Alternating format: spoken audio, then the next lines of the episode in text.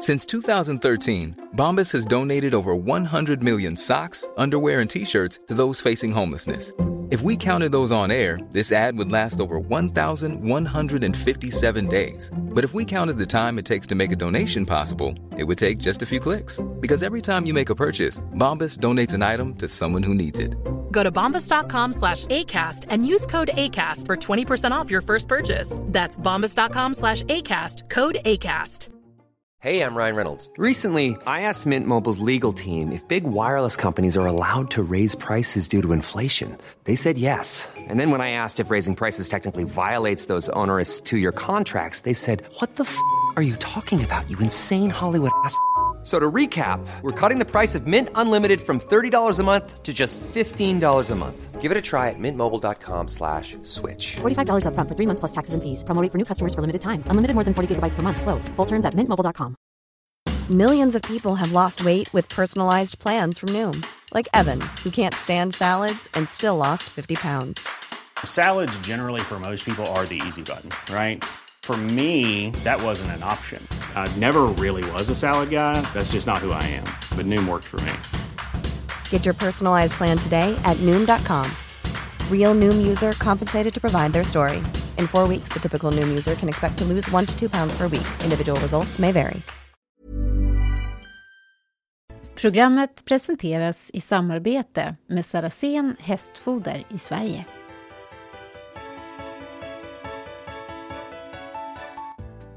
Mr Falsterbo, Jan Avannius, har varit på OS både som ryttare och förbundskapten.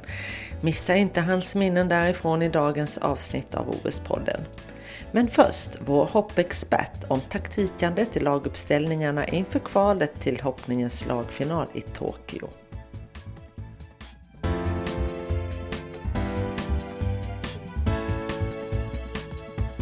Flera av lagen som är aktuella i medaljstriden har bytt ut något ekipage, utom Sverige.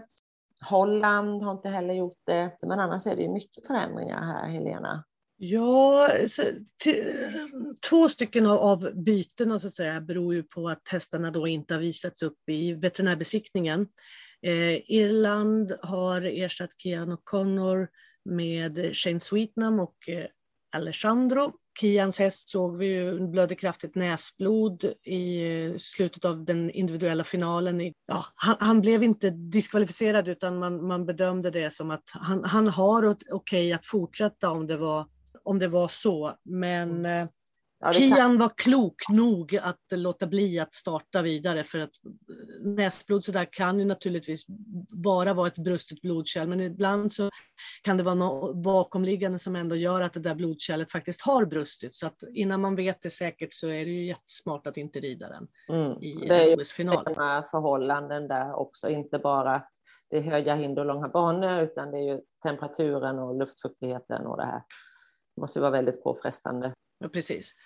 Men de har, alltså, Shane Sweetnam och, och Alejandro är ett bra, ett bra substitut skulle jag säga, för det är nu, nu, ska vi komma ihåg att Kians häst har hoppat fantastiskt bra under de här två, men, men Shane Sweetnam och, och, den här lite heta skimmen eh, Alejandro har ju till exempel vunnit någon GCT och, och varit väldigt, alltså, det finns massor med kapacitet där, så att Irland kan vi inte räkna bort trots det bytet.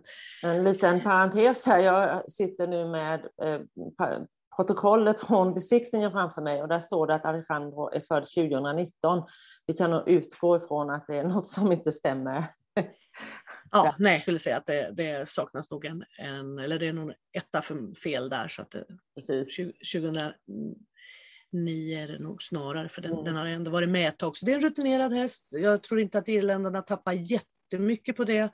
Även om som sagt var Kian naturligtvis, eh, Kian och Kians häst har, har varit otroligt imponerande de här två omgångarna som de har ridit. Mm.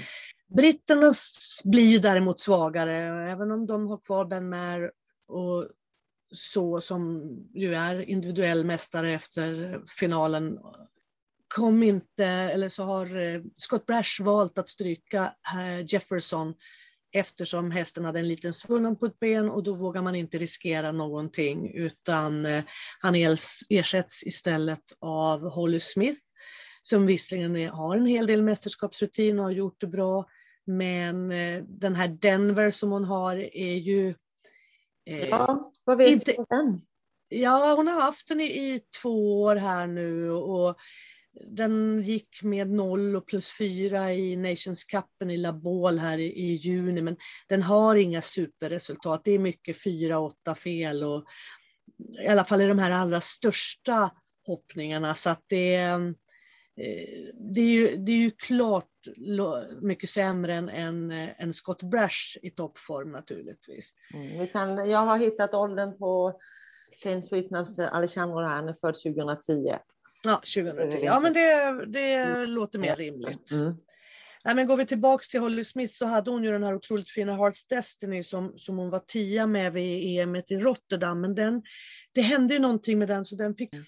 Det, det är ju, och sen har du ju då Harry Charles som en, en ung framtidskille naturligtvis men som inte riktigt har den här rutinen som, som kanske krävs eller behövs. Så ska vi komma ihåg, han var ju faktiskt med till den individuella finalen, han satte ju en nolla där.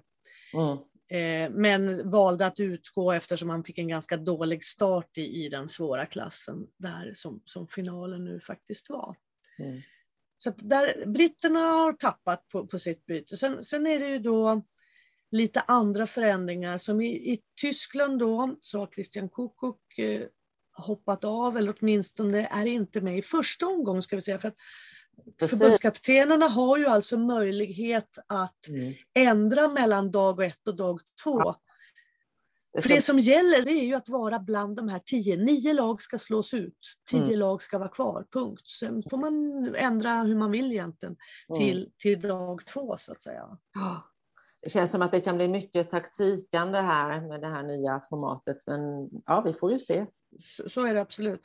Och istället för, för Christian Kukuk så har André Thiem gått in i laget då.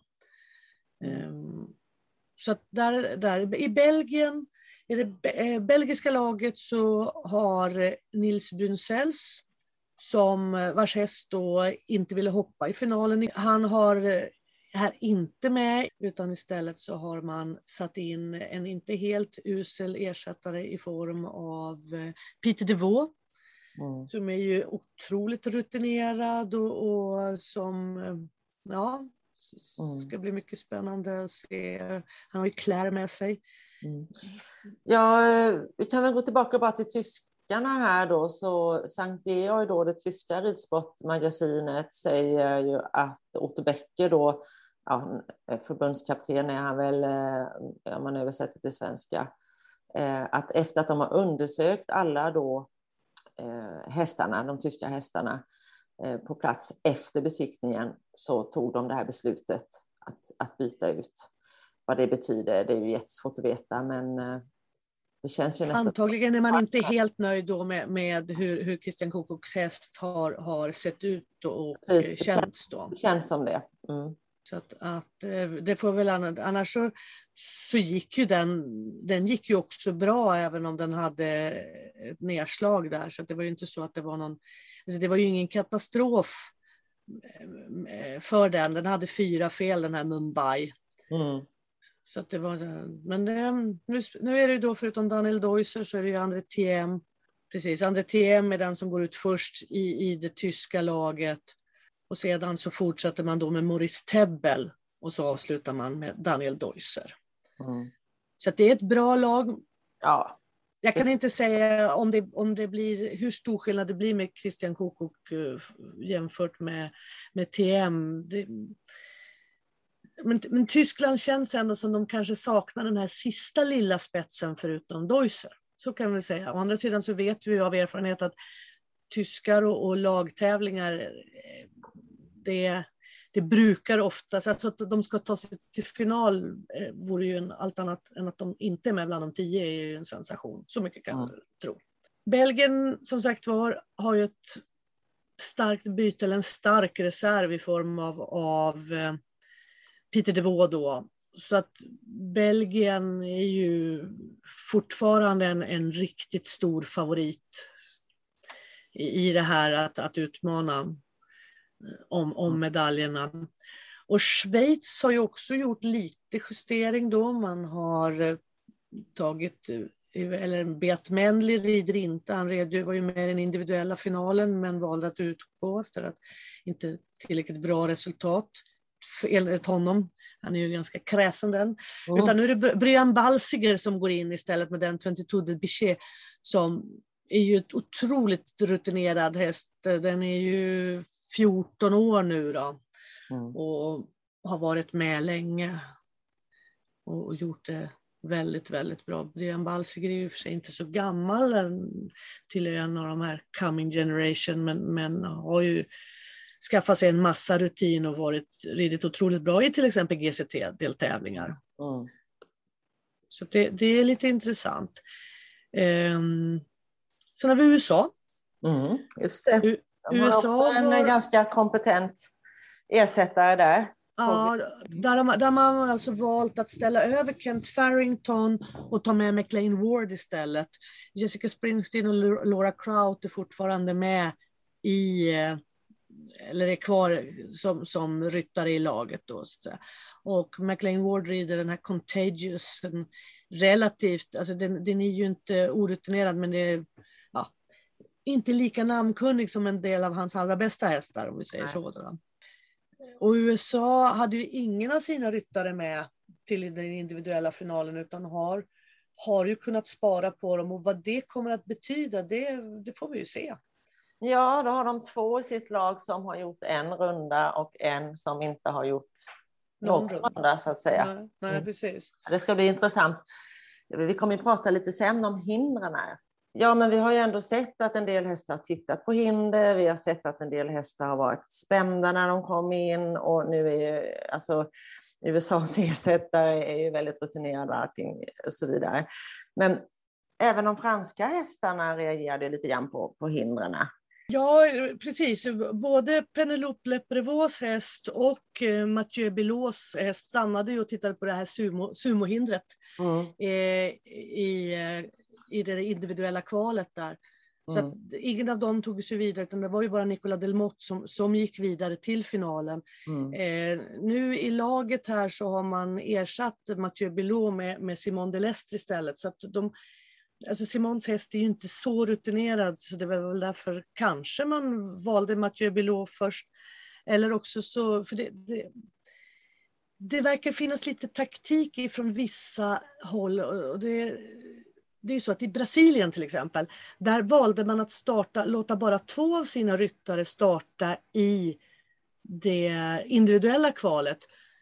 Både och där Juri Mansur red var ju med till finalen och sedan så red Marlon Modolo Sanotelli jättebra men hade tyvärr ett nedslag så han missade finalen. Medan Rodrigo Pessoa startade inte alls. Nej, utan han kommer, in, han kommer in nu i laget. Så antagligen har han känt att hans häst har ingenting med en individuell medalj att göra, men han är med då för att så att säga vara med i laget eftersom han inte behöver Ja, man behöver ju då med det nya formatet så behöver du ju inte ta med dig några lag eller individuella fel så att säga, utan det är den klassen, när den klassen är riden och resultatet är klart, då stryker du alla resultat och så börjar du om igen. Och det är ju mm. så det har varit både från individuella och som det kommer att bli nu i laget. Mm.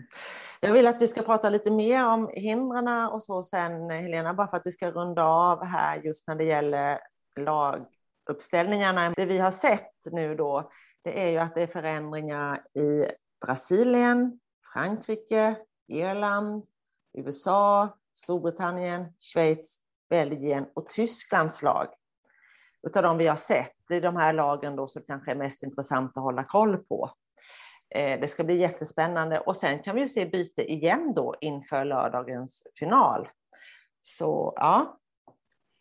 Men som sagt var, Sverige håller sig intakt. Mm. I, i, I dagens första laghoppning så kommer det att vara intakt. Man låter Henrik gå ut först, Henrik von Eckermann får inleda. Eh, man har satt eh, Malin som nummer två i, la, i laget och hon har startnummer 31. Kan, det kan ju vara värt att mm. notera. 12, nummer 12 har Henrik, nummer 31 har Malin och sen har vi då Peder som siste svensk på startnummer 50. Och det är 19 lag och Sverige har startnummer 12 kan vi ju fylla på med då. Så, så är det. Det skulle ju ha varit 20 Eh, Australien fick inte ihop något lag eftersom de inte hade någon reserv i karantän och deras eh, tredje ryttare blev ju, hade ju, testade ju positivt för, för kokain i blodet här mm. precis innan. Mm. Så att eh, de, de kom ju inte till start och det är därför det inte är 20 som det var täckt. Mm. Men banan nu då, Helena, du är ju banbyggare ska vi lägga till här då också. Vad, vad säger du om de här sumobrottarna och körsbärsblommorna och så vidare? De är fantastiskt vackra. Mm. Alltså så fina hinder. Och, och, det är smakfullt och det är, alltså det är ju en fröjd att titta på det. Sen är de inte helt lättoppade. Det är mycket enfärgat. Det är lite, det, det är, om du ser så är det nästan inga kontraster alls i bommarna och hästarna ser ju ändå kontraster bäst. Så det, det, ju, det, flyter ihop, det är lite, men det, alltså, visuellt för, för oss som åskådare så är det ju fantastiskt vackert att titta på. Mm. Och, och, jag menar, ta bara den här, den här muren som var i första dagen mycket speciell mur. Ja, det var, det var någon konstig form på det. Hade, det, det fanns säkert någon, någon, någon Jaha, den här gröna liksom. Ja, en, den gröna muren där. Så det. Jag, menar, jag tror det var en häst som rev den. Mm. Kan ha varit Bertram Allens. Eh, det var, väldigt, alltså det var väldigt få fel. Bara en, någon stannade på den, eh, någon av de här mindre rutinerade ekipagen ska vi väl säga. Och, och, så tror jag det var en som rev den, så det, det var inte så att den på något vis gav något större utslag. Men, men hästarna hoppade, alltså, hästar hoppar saker. De, de är, de, de, de någonstans bara förstår och, och vet. Och, och det, det är ju så här att hade de inte det, det har vi ju sett, om de inte vill hoppa då kan vi inte tvinga dem. Så det är inte så att vi, vi på något vis eh, ja, att de blir tvingade att hoppa detta konstiga, utan de, de tycker att det, jag tror att de ibland tycker det är lika roligt som, som ryttarna med de här häftiga hindren. Sen blir de här optiska sakerna, det gör ju att du ibland får den där bommen som ramlar ner. Men vi har hittills inte sett sådana här, vad ska vi säga, kalla det för otäcka fel eller liksom grova fel på det viset, utan det, det har varit ja, bak, säkerhetshållarna har löst ut eller så. Så det har liksom inte varit några, inga stora saker egentligen. Nej. Nej, han har lyckats bra där. Jag tycker han har byggt jättebra. Mm. Mm. Det som blir spännande idag är ju att nu har vi ju igen ett antal ryttare som, inte så många, men några stycken som är kanske inte lika starka i lag alltså lika starka ryttare eller lika rutinerade ryttare som de som var i den individuella finalen eh, under onsdagen. Eh, och, och, jag tänker kanske framför allt på en del av de tjeckiska ryttarna, en del av de kinesiska ryttarna. Vi har någon både mexikansk och argentinsk ryttare som är sådär, ja, alltså det, det är inte så att de är dåliga, men de är inte lika säkra som som de här allra bästa, mest framgångsrika och som, som är ute och tävlar på de här stora tävlingarna varje. Eller likadant finns no, någon marockansk ryttare också så där som man kan vara lite så här, mm, mm. hoppas att det går bra. Och det, jag tror ändå att, att Santiago Varela som då är banbyggare har de här, även de här ekipagen i åtanke. Så att han, inte, han kommer inte att spätta på så mycket som han gjorde i den individuella finalen, för det var en, det var en riktigt ruggig bana om man, om man ska vara sån, för den var, alltså den var inte oschysst på något sätt, men den var inte enkel, det såg vi, vi hade 6-0 på 30 starter. Mm. Vilka tror vi går till lagfinalen nu då, Helena?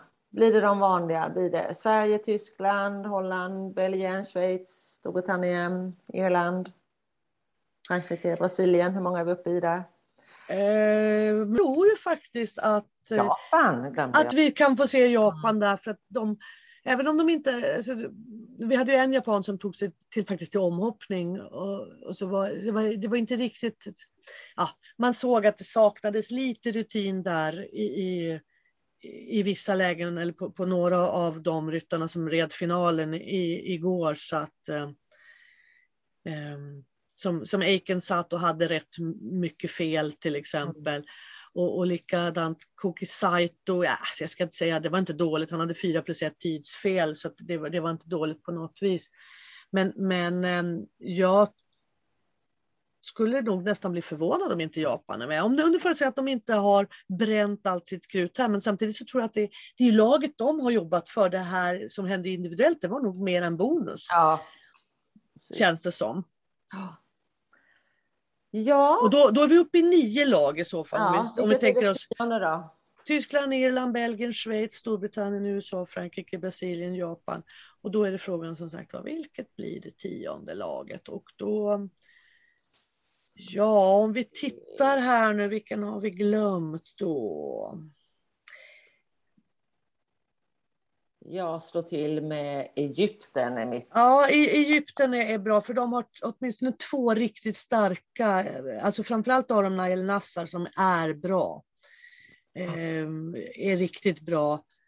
Det skulle ju vara lite kul med Nya Zeeland för där har vi ju Sverige-baserade Bruce Godin i det laget. Ja, det, tyvärr så tror inte jag att, att uh, de håller hela vägen utan Egypten blir nog det tionde laget av de här och det betyder i så fall då, om vi nu har rätt, vet man inte alltid säkert har, men då skulle vi ha Mexiko, Argentina, Marocko, Nya Zeeland utanför. Israel också utanför. Tjeckien, Kina, Israel. Mm, precis. Ja, det ska bli spännande att se. Och runner-up till Egypten, det är nog i så fall Israel. Mm. För de har, eh, Ashley Bond gjorde det väldigt bra i, i den individuella finalen och det, det finns, det finns en, en, en hygglig lägstanivå, alltså en hyggligt hög lägstanivå i det israeliska laget. Mm. Så det, ja men det blir spännande. Ja. Det blir spännande. Det är Ridsports OS-podd som har uppsnack inför kvalet till lagfinalen på OS i Tokyo i hoppning. Helena Lundström. Tack så mycket Helena. Tack. Det var jag, Anneli Frank, som pratade laguppställningar med OS-poddens hoppexpert. Programmet presenteras i samarbete med Saracen Hästfoder i Sverige. When you're ready to pop the question, the last thing you want to do is second guess the ring. At BlueNile.com you can design a one-of-a-kind ring with the ease and convenience of shopping online. Choose your diamond and setting. When you find the one, you'll get it delivered right to your door. Go to Bluenile.com and use promo code LISTEN to get $50 off your purchase of $500 or more. That's code LISTEN at Bluenile.com for $50 off your purchase. Bluenile.com code LISTEN. Hiring for your small business? If you're not looking for professionals on LinkedIn, you're looking in the wrong place. That's like looking for your car keys in a fish tank. LinkedIn helps you hire professionals you can't find anywhere else, even those who aren't actively searching for a new job but might be open to the perfect role. In a given month, over 70% of LinkedIn users don't even visit other leading job sites. So start looking in the right place. With LinkedIn, you can hire professionals like a professional. Post your free job on linkedin.com slash people today. There's never been a faster or easier way to start your weight loss journey than with PlushCare.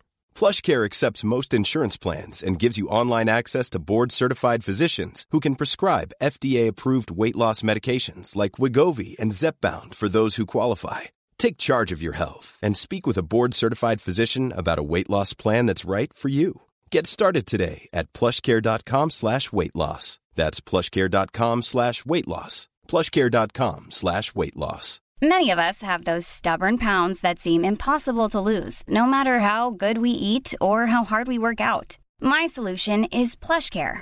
PlushCare is a leading telehealth provider with doctors who are there for you day and night to partner with you in your weight loss journey. They can prescribe FDA-approved weight loss medications like Wagovi and Zepbound for those who qualify. Plus, they accept most insurance plans. To get started, visit plushcare.com slash weight loss. That's plushcare.com slash weight loss.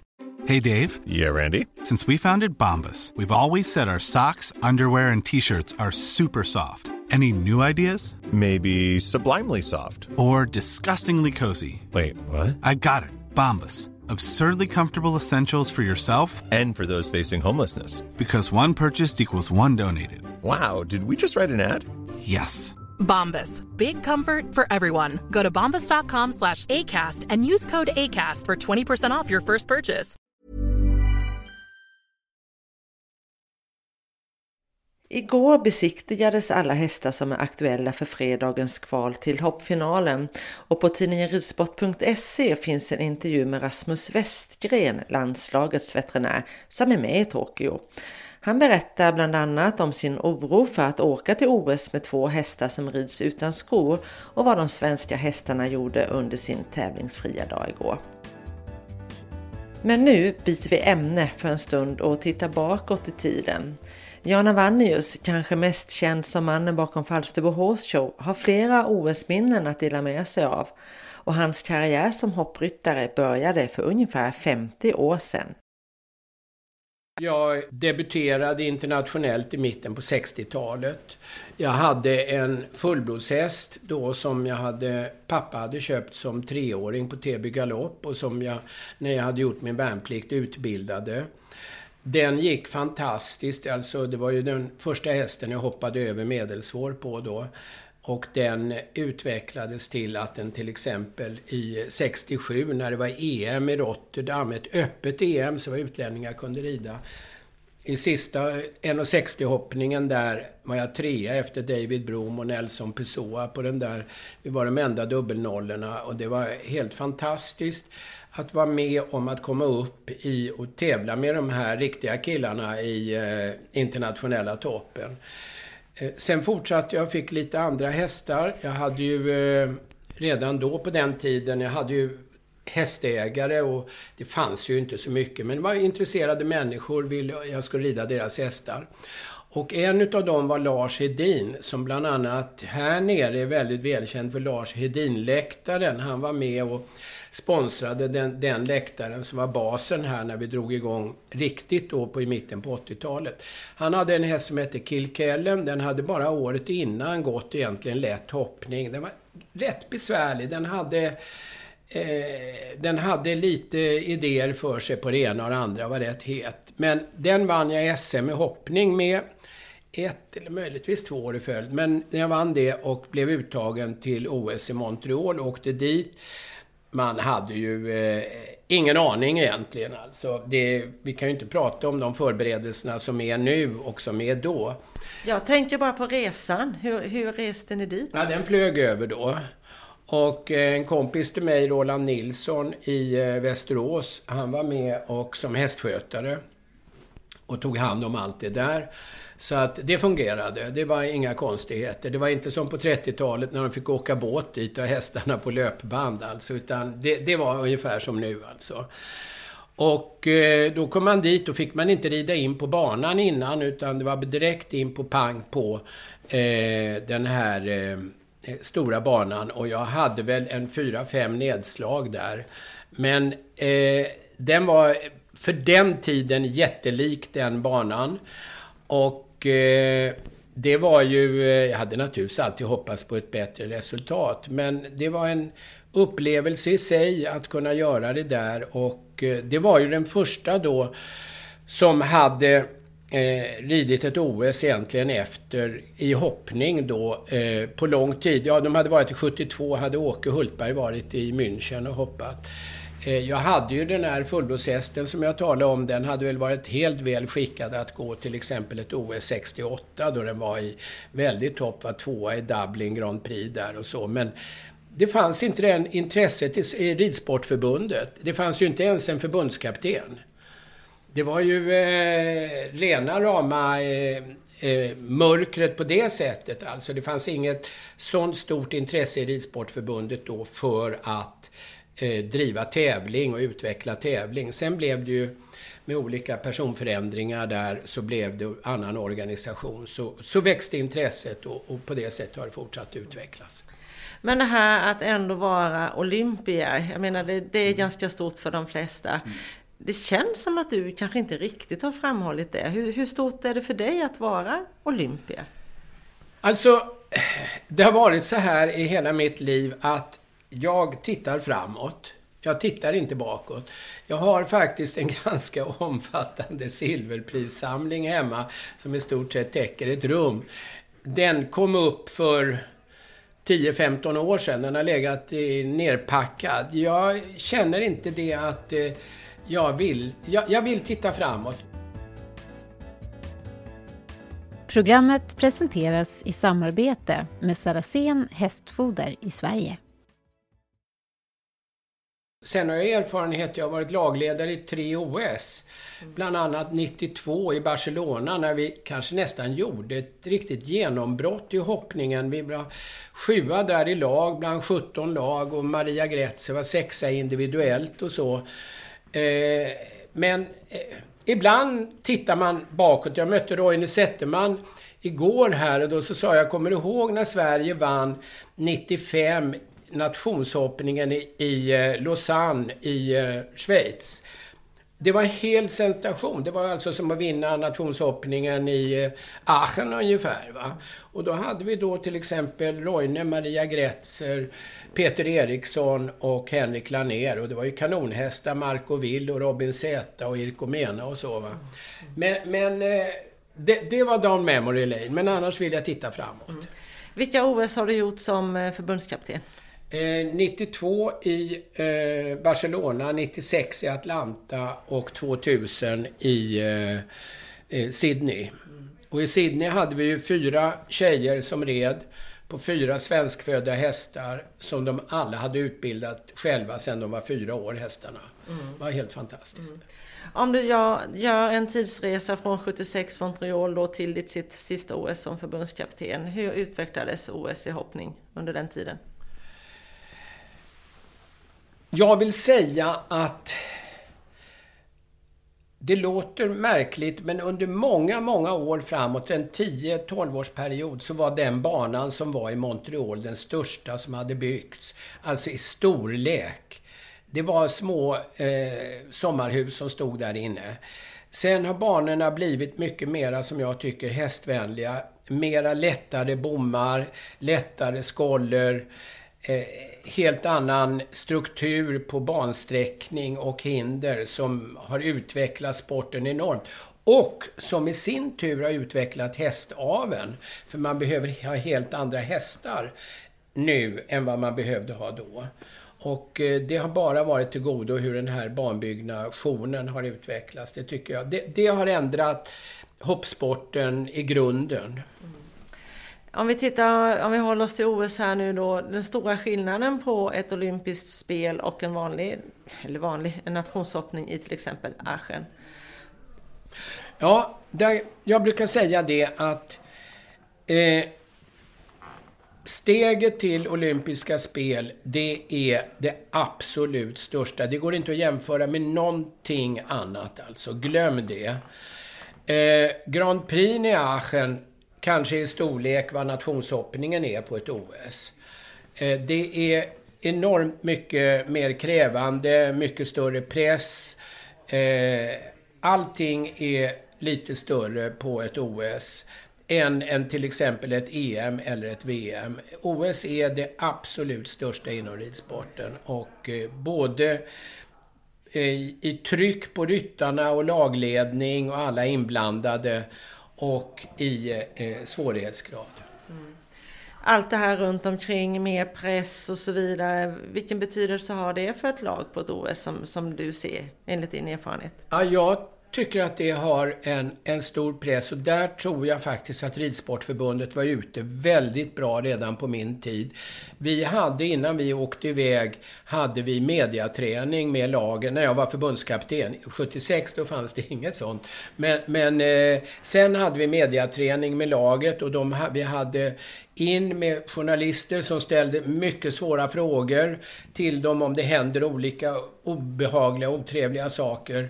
Eh, det var väldigt bra träning för eh, både ryttare och lagledare och de runt omkring. Och det finns en organisation kring det där som jag tycker är väldigt, väldigt bra. Det är ju bara att titta nu idag på hur våra senaste förbundskaptener har, agerar i mediasammanhang. Jag tycker det är fantastiskt. Mm.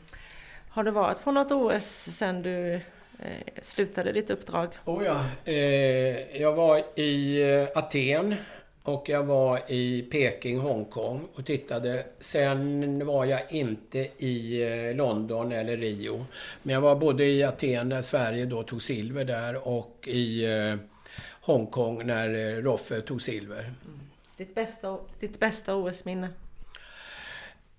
Ja, jag vet inte, men Barcelona är svårslaget. Det tycker nog många som var med redan då. Barcelona, de bästa OS jag har varit med på alltså då va. Tre, fyra, fem, sex, sex stycken så tycker jag det är Barcelona och Sydney.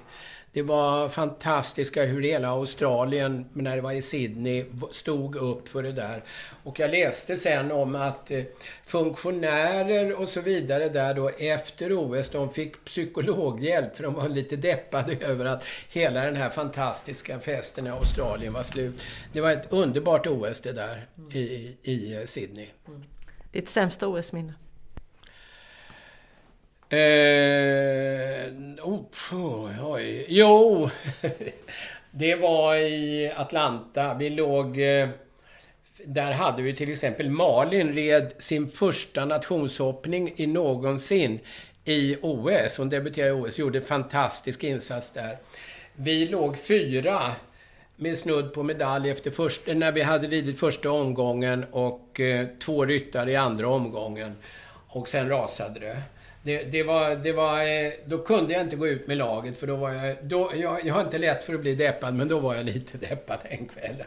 Men, men det tog du upp nu, där jag nästan förträngde. Publikens betydelse vill jag säga det att jag är eh, bedrövad över att det är Tokyo och inte är publik. Alltså, jag är riktigt bedrövad över det. Eh, det är, jag är ju så allmänt sportintresserad och ser nästan all sport. Alltså både när jag är i Sverige och i USA, både på TV och åker på evenemang. Det är väldigt bra att lära sig också för egen del. Jag ska lägga till då att du bor vinterhalvåret i Florida. Ja, det gör jag. Om inte alla vet och resten Nej. Falsterbo här då. Ja, det gör jag. Ja. Och eh, jag vill gärna gå på evenemang och se och jag brukar ofta hålla förhör redan i biljettluckan. Jag vill inte ha några fribiljetter. Jag vill gå dit och se hur allting fungerar. Det är jätteintressant och kul och se i andra sporter hur, hur de gör. Men publikens betydelse är ju... Jag såg nu till exempel några tennisspelare som sa att de inte åker till Tokyo, de vill inte spela inför tomma läktare. Jag tycker det är synd, för idrottsmännen i hela världen alltså satsar på att ha som dröm att komma till ett OS. Och då känns det som de... Det är svårt att få uppvakt, eh, att få uppskattning genom eh, kameror. Utan, så det tycker jag det är jättetråkigt det här. Men eh, det kommer inte till att förta prestationerna på något sätt. Men kanske den här feststämningen som är och som är i byn och hela den biten, den kommer ju till att vara mycket dämpad kan jag tänka mig. Det är det som många, och jag själv också, upplever som väldigt speciellt med ett OS, att det är den här feststämningen i hela stan, kanske till och med hela landet. Mm.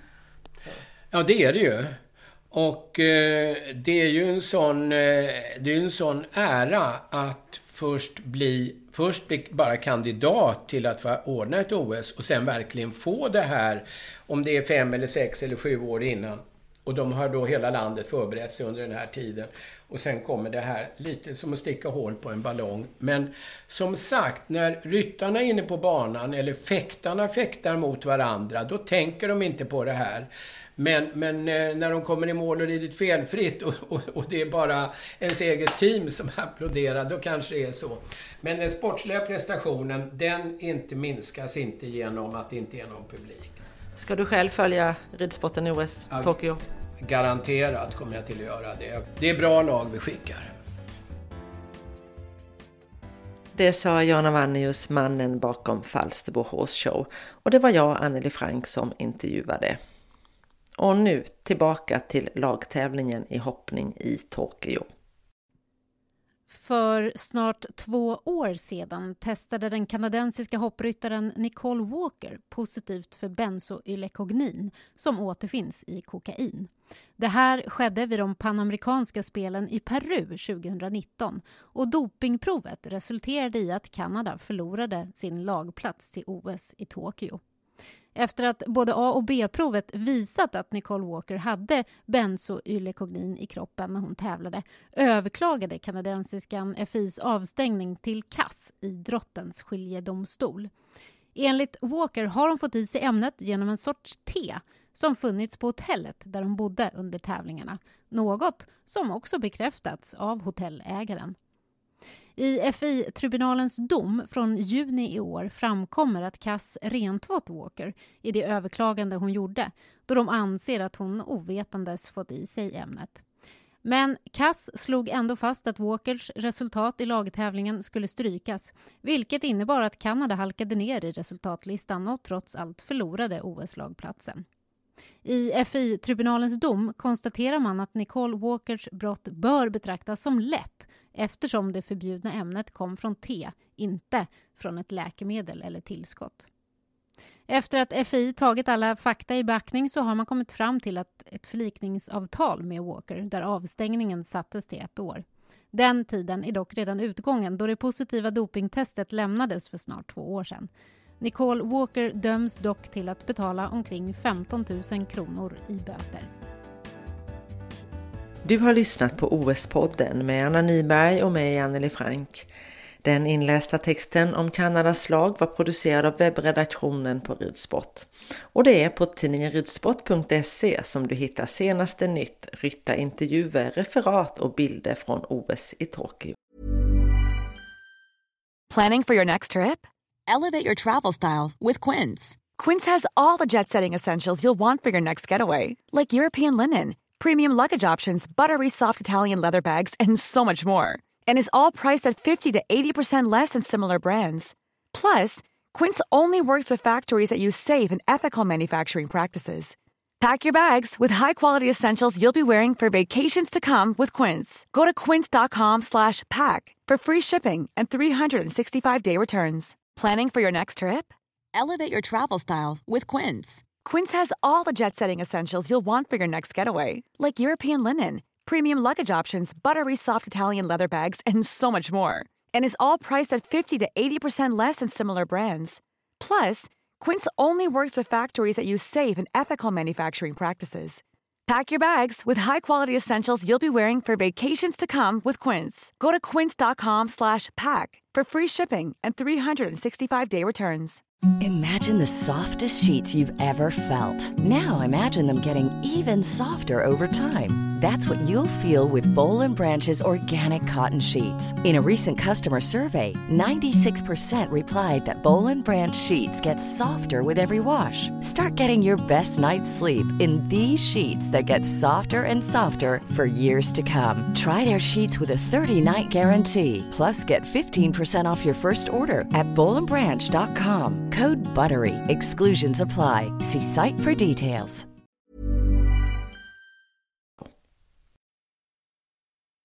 Programmet presenteras i samarbete med Saracen Hästfoder i Sverige.